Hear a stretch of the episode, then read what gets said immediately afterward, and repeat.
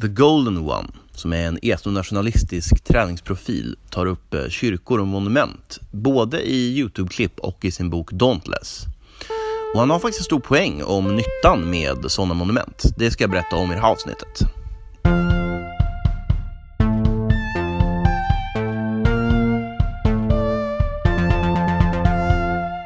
Så jag har faktiskt läst The Golden Ones bok. Jag får eventuellt återkomma med en recension någon gång. Den bit jag tänkt på idag handlar dock om monument och vilket syfte som kyrkor till exempel fyller. På Youtube har han ett klipp där han pratar om monument och framförallt om kyrkors ekonomiska nytta. Vilket jag måste säga inte har en så imponerande argumentation. Kyrkor skapar jobb och hjälper den lokala ekonomin.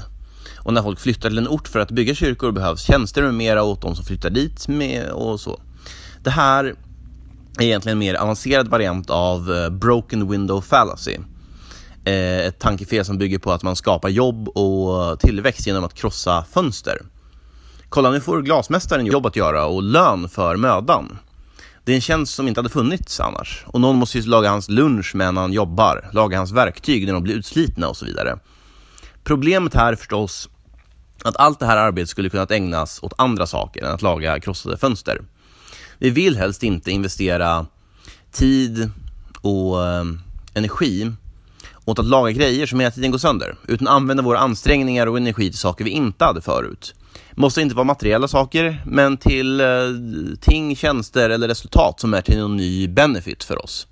Jag är ingen stort fan av stimulans ens i moderna ekonomier, alltså att bara jobba och satsa för jobbandets skull liksom. Det fanns många saker som behövde göras på senmedeltiden. Det var inte som att människor var sysslolösa då. Man kan hitta andra skäl att bygga kyrkor, men att bara att det är ett stort projekt som liksom därigenom stimulerar ekonomin, ja. Jag tror inte heller det är något jätteviktigt case för the golden one egentligen. Han är, han är nationalist och asatroende. Vissa nationalister är dock kristna. Jag tror att det handlar mer om att han vill förebygga bråk och ge lite cred till kristendomen för att astroende och kristna nationalister ska bråka lite mindre om sånt och fokusera på sånt som de tycker är viktigare, som typ invandringsmotstånd. Det visar lite vilka krumbukter man måste göra för att hålla samman en sån ideologi, där också asatron och kristendomen faktiskt innehåller dramatiska skillnader i världsbild, som jag gärna går in på någon annan gång. Men i boken så har han däremot ett intressant argument. Det var ett tag sedan jag läste den, så jag kan inte återge det här perfekt. Men det handlar ungefär om att lägga in värde och symbolisk betydelse i saker vi gör. Om vi bara bygger ett hus så har vi husets praktiska funktioner i åtanke. Kommer det skydda oss mot regn? Är det lagom stort? Och så vidare.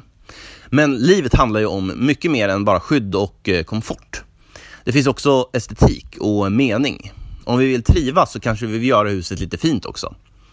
Men vi kanske vill mer än så. Vi kanske vill att huset ska uttrycka vilka vi är Ha en design som visar vår identitet och uttrycker idéer och övertygelser vi har genom forger, former och färger eh, på en faktisk konstruktion.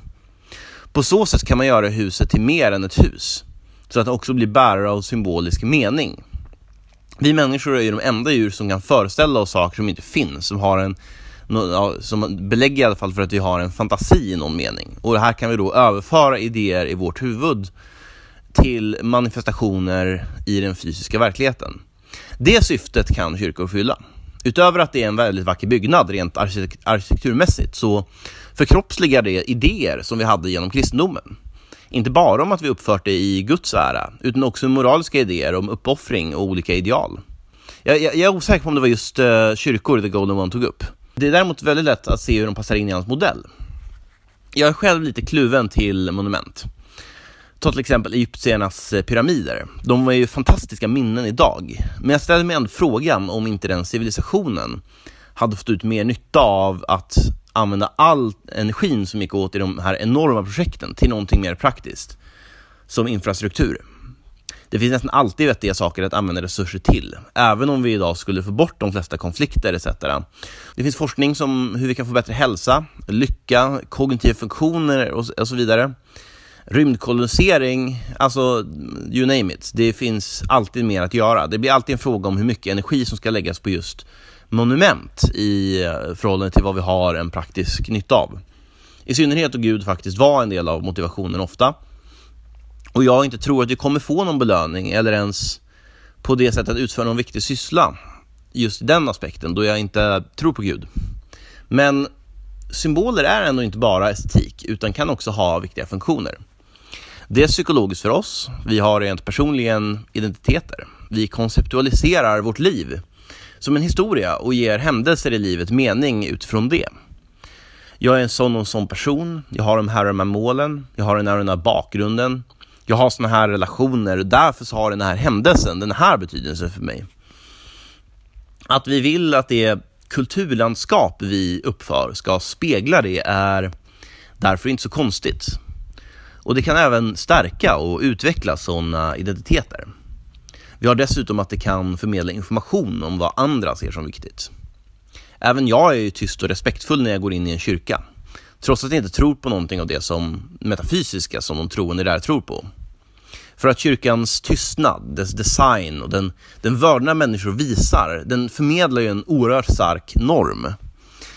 Slutligen behöver det inte vara en hel kyrka som utgör monument eller symbolik. Man kan ladda även en aktivitet med mening.